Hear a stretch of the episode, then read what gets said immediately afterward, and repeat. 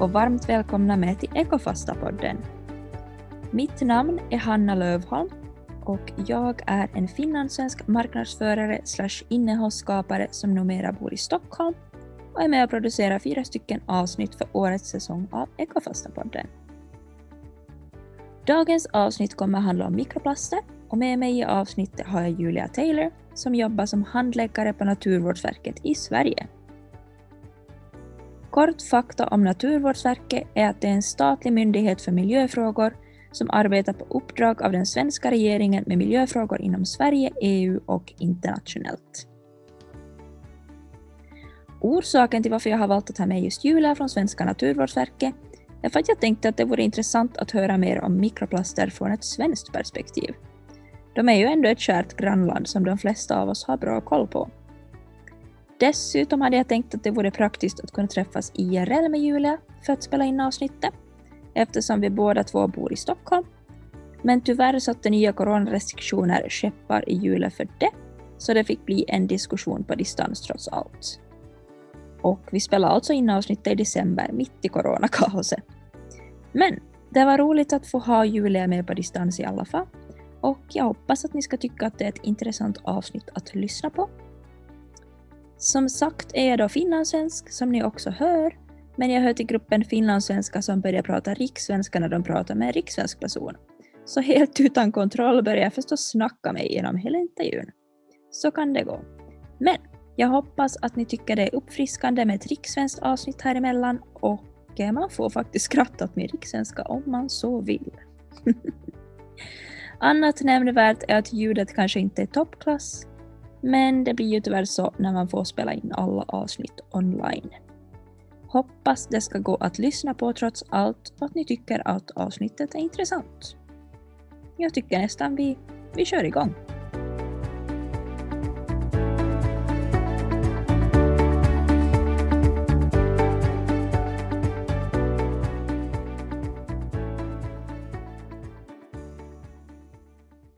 Hej Julia och välkommen med i Ekofasta-podden. Hej, tack. Idag ska vi prata om mikroplaster och fokus ligger på mikroplaster i vattnet. Uh, och du Julia, du jobbar på Naturvårdsverket i Sverige. Så jag tänker att vi kör igång med att du får uh, berätta lite mer om vem du är och vad du jobbar med. Ja, eh, Eh, ja men jag heter Julia Taylor då, då och eh, jag jobbar på Naturvårdsverket på miljögiftsenheten. Eh, och eh, på Naturvårdsverket så jobbar jag just med mikroplaster eh, och jag jobbar då inom vår nationella plastsamordning som vi har. Eh, och det jag jobbar mest med kan man säga är väl att jag bygger upp och samlar in och sprider kunskap om mikroplast. Okej, Det är precis. väl ungefär kortfattat vad jag gör. Ja, ja roligt. Um, ska vi börja med att du får berätta vad mikroplaster är helt enkelt för de som inte vet vad det är? Ja, absolut. Eh, det är, eh, jag kanske ska börja med att säga att det finns ingen eh, vad ska man säga, eh, standardiserad definition av vad mikroplast är. Eh, så att det är lite olika, tyvärr, eh, liksom vad, man, eh, vad man menar när man, när man säger mikroplast. Eh, men eh, en eh, sån standardiserad definition är på väg, så förhoppningsvis så kommer vi ha landat i någonting inom ja, men några år i alla fall. Men det man oftast brukar säga, eller brukar mena när man säger mikroplast, det är alltså små, små plastbitar. Eh, man inkluderar ofta gummi eh, också. Eh, och ehm, storleksmässigt så, ehm, ja som sagt, det, det är lite eh, det är lite olika, men det kan vara allt under 5 mm. 5 mm är ofta liksom den eh, översta gränsen om man säger. Men Eh, ibland säger man då allt under 5 mm, ibland mellan 5 mm och 1 nanometer. 5 eh, mm en mikrometer och så vidare. Så det är, det är lite olika, men 5 mm brukar vara den översta gränsen. Precis. Och eh, mikroplaster, eh, vart kommer det ifrån? Det är från eh, plast i bildäck och så vidare eller? Ja, men precis. Det kan ha lite olika ursprung. Ehm, det kan dels, man brukar liksom dela upp det i eh, Eh, avsiktligt tillverkad mikroplast eh, och eh, ehm, alltså sekundära eh, mikroplaster som bildas genom, eh, precis som du säger, slitage av bildäck till exempel. Ehm, så det, det, är lite olika. De som tillverkas avsiktligt, det, det kan ju vara till exempel eh, mikroplaster som, som man vill tillsätta i kosmetika eh, eller som tillverkas som plastpellets för att eh, då sen eh, Eh, använda i tillverkningen av andra eh, plastprodukter. Och eh, sekundära mikroplaster, det är då eh, väg och däckslitage som du, som du nämnde. det kan vara fragmentering av liksom andra större plastbitar som man eh, har slängt ute i naturen som sen då liksom, eh, fragmenteras till mindre bitar. Det kan vara när man eh, tvättar sin eh, fleecetröja. Eh, ja, lite olika så, men ja. Ja, precis. Um, och mikroplaster, det klassas ju som farligt. Men varför är det så farligt? Eh, ja, vi vet inte eh, faktiskt exakt eh, hur pass farligt det är. Eh, det, dels alltså för att vi ehm, eh, man kan inte riktigt göra någon sån riskbedömning än i och med att vi, det är fortfarande mycket som vi inte vet vad gäller eh, koncentrationen av eh, mikroplast, alltså hur mycket som finns ute i naturen. Och det är också så att vi har ganska stora kunskapsluckor vad gäller effekterna av mikroplaster.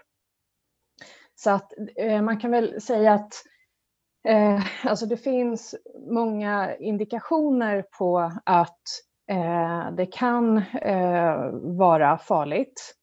Eh, men det finns också eh, studier som pekar på motsatsen, att, att man inte ser några effekter. Så att ehm, eh, ja, vi, vi vet helt enkelt eh, inte hur det är än. Okej, precis. Så det, det är kanske inte ett så stort problem som man eh, kanske tror. Eller? Ja, nej men eh, så här, eh, vi vet ju inte hur stort problemet är. Men det vi vet är ju då som sagt att det, det finns indikationer på att det är ett problem, att det finns effekter. Ehm, och det vi också vet är att vi släpper ut väldigt stora mängder mikroplast. Och det vi släpper ut, det är, alltså mikroplasterna är persistenta, alltså de stannar kvar eh, väldigt länge eh, och liksom ansamlas i eh, miljön. Vi kan inte städa upp det som vi släpper ut på eh, något effektivt sätt.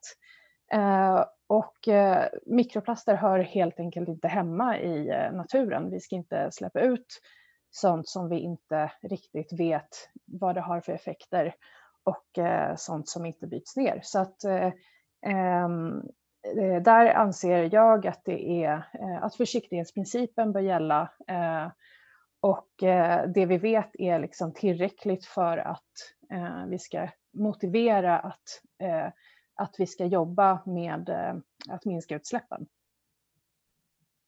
Precis. Uh, uh, uh, vad var det jag skulle säga? Ja, uh, tanken är ju att uh, vi ska behandla speciellt vattnet och havet. Och mm. uh, hur kommer mikropla mikroplaster ut i havet? Mm. Um, då kanske man ska börja med att definiera vilka är de viktigaste källorna. Eh, och det kan säkert variera eh, mellan olika länder. I eh, Sverige så har vi för Eh, en tid sedan haft, eh, vi har haft två faktiskt regeringsuppdrag där vi har eh, tittat på just källorna nationellt, liksom vilka som är de viktigaste.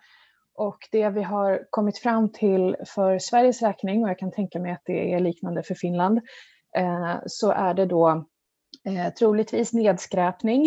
Eh, den har vi inte kunnat kvantifiera, den källan, men, men man bedömer den som att den är eh, stor, eh, kanske till och med eh, den största källan. Eh, sen är det då väg och däckslitage, eh, textiltvätt, alltså att man tvättar syntetiska eh, tyger, eh, båtbottenfärger.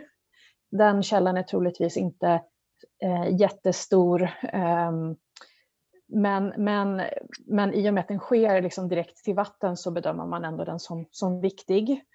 Eh, sen är det konstgräsplaner eh, och då är det framförallt granulatet som man, eh, som man pratar om. Då. Och sen är det också då industriell produktion och hantering av eh, primärplast. Eh, så det är liksom de viktigaste källorna. Sen när det gäller spridningsvägarna, eh, då är det eh, framförallt dagvatten, avloppsreningsverk och även till viss del luftdeposition, alltså nedfall från, från luft. Okej, nedfall från luft. Vad, eh, vad exakt eh, betyder det? Eh, ja, men det, det är precis som det, som det låter. Det kan vara att Eh, till exempel att små eh, plastpartiklar som, som bildas från till exempel väg, eh, alltså trafiken, liksom, tar sig upp i, i luften och sen så följer med ner. och det kan ske ganska så långt ifrån liksom, punktkällan. Jaha, spännande. Um, man kan ju tänka sig då att mikroplaster är ett mycket större problem i stora städer än ute på landsbygden. Och mm. vi befinner oss i Stockholm så jag tänker hur ni jobbar säkert speciellt med Stockholm på något vis, eller? Nej, vi, nej, det gör vi faktiskt inte, utan vi är ju en eh, nationell, eh, alltså eh, Sveriges nationella miljömyndighet. Så att vi jobbar eh, brett eh, över hela landet och även internationellt. Okej, precis. Hur, eh, hur jobbar ni internationellt i praktiken? Liksom vad, vad innebär det? Ja, då är vi ju med i flera olika viktiga internationella processer. Det kan vara som ett exempel så eh, är vi med i något som heter eh, IG Plastics eh, som är en intressegrupp inom eh, en organisation som heter NEPA som är Network eh, of the Heads of eh, Environmental Protection Agencies. Där vet jag att Finland också har en representant. Eh, och det är en grupp för olika Eh, EPAs, alltså Environmental Protection Agencies, eh, runt om i Europa som, som tillsammans eh, sätter sig ner och eh, jobbar med olika plast eh, och mikroplastfrågor eh, som man sedan kan exempelvis lyfta till eh, Europakommissionen eh, och så vidare. Så det är ett exempel. Vi jobbar även inom OECD, har vi precis avslutat en, eh, ett arbete om eh, mikroplaster från väg och däckslitage och eh, textil. Ehm, vi får se, vad gör vi mer? Vi jobbar ju såklart inom HELCOM, där är ju Finland också med, alltså havs, den regionala havskonventionen. Ehm, där, inom den, där är alltså alla länder inom, alltså runt Östersjön. Ehm, och där har man något som heter en Baltic Sea Action Plan eh, som man nu håller på att uppdatera. Och där finns det då en del eh, åtgärder som är eh, förknippade med eh, marin nedskräpning. Så där jobbar vi. Ehm, och inom EU såklart, eh, eh, precis som Finland eh, ju också gör. Där finns också flera arbetsgrupper som, som jobbar med, på olika sätt med nedskräpning och mikroplastfrågor. Ja, precis. Så det var några exempel. Ja. Och forskningsprojekt har vi såklart också. Ja. Um, vad skulle du kunna tipsa om att man som privatperson, vanlig person i samhället kan eh, göra för att minska på mikroplaster? Just det. Eh, eh, alltså, tyvärr så är det ganska svårt för oss att liksom gå ut brett och eh, förespråka olika åtgärder i och med att eh, mätmetoderna eh, för att liksom mäta utsläppen, de är inte heller standardiserade och det är ganska svårt att liksom jämföra olika eh, åtgärder för att se liksom vilken som är mest effektiv. Eh, men det, eh, det jag skulle kunna säga eh, som alltså mycket av det har väl liksom bäring också på, på andra eh, miljöfrågor, inte bara mikroplast. Men det är ju till exempel då att eh, ja, men låta bli att skräpa ner. Eh, det är ju eh, något som jag tycker att alla kan tänka till och det gäller även fimpar. Eh, det är något som många ofta kanske inte riktigt eh, tänker på att det är en form av nedskräpning och att filtret faktiskt innehåller, eh, det är gjort av plast. Eh, så det kan man tänka på. Eh, man kan ju tänka på att man ska köra bil mindre. Eh, och det är ju som sagt både liksom ur mikroplastsynpunkt men, men även såklart ur liksom klimatsynpunkt. Eh, man kan fundera lite på sin körstil, alltså att man kör mjukare, sån här eco-driving. Där har man sett att det sliter mindre. Eh, man, kan, eh, man kan se över sitt däcktryck, alltså vara noga med att man kör med rätt däcktryck. Och att hjulinställningarna är liksom korrekta, att, att hjulen verkligen pekar framåt och inte liksom utåt eller inåt det sliter mindre. Eh, sen kan man tvätta, tvätta sina kläder eh, mer eh, sällan, alltså att man vädrar istället för att tvätta. När man använder torktumlare så kan man vara noga med att man eh, eh slänger luddet i soporna och inte spolar ner det i toaletten. Ehm, köp färre kläder. Eh, när du köper kläder, köp second hand för att minska utsläppen i liksom, produktionsfasen. Eh, och ta bättre hand om dina kläder och laga när de går sönder istället för att slänga. Um, vad kan man göra mer? Man kan uh, använda mindre flis. Flis släpper ju uh, ofta mer än andra uh, syntetiska material. och om du ändå vill köpa flis så kan du, där, där, är ju någonting som du verkligen kan tänka på att köpa second hand eftersom det är de första tvättarna, det är där det släpper mest Eh, och sen så kan man ju också använda sina tvättpåsar eh, som man stoppar sina eh, syntetiska kläder i när man tvättar. Och använda flytande tvättmedel istället för pulver. Eh, man kan tvätta i lägre temperaturer. Eh, det minskar slitaget och det drar ju också mindre el så det är bra på andra sätt.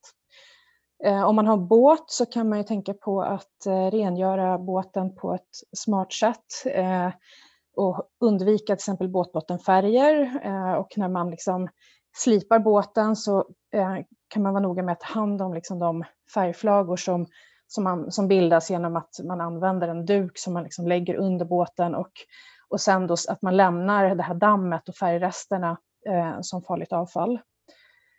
Eh, och sen så kan man också använda eh, båttampar av eh, liksom, slitstarka naturmaterial eh, eftersom man vet att, att eh, utslitna tampar som är gjorda av nylon, att de eh, släpper ifrån sig eh, mikroplast när de nöts ut. Så det var, det var några exempel som man kan tänka på. Ja, men det var jättebra. Det är jättemånga exempel. Det finns en hel del man kan göra som privatperson i alla fall. Ja, absolut. Och som sagt, många av, av de här olika tipsen, de har ju också bäring på andra eh, miljöaspekter. Exakt, exakt. Du nämnde tidigare en del samarbeten som Finland och Sverige har indirekt. Uh, vi delar ju hav och mm. så vidare. Så jag tänker, vet du om eller är ni inblandade i direkta samarbeten med Finland gällande mikroplaster? Eh, ja, alltså det mest direkta eh, som jag känner till, det är egentligen inte Sverige-Finland liksom enskilt, men eh, vi har ju eh, det här nordiska samarbetet, alla nordiska länder, eh, inom alltså Nordiska ministerrådet.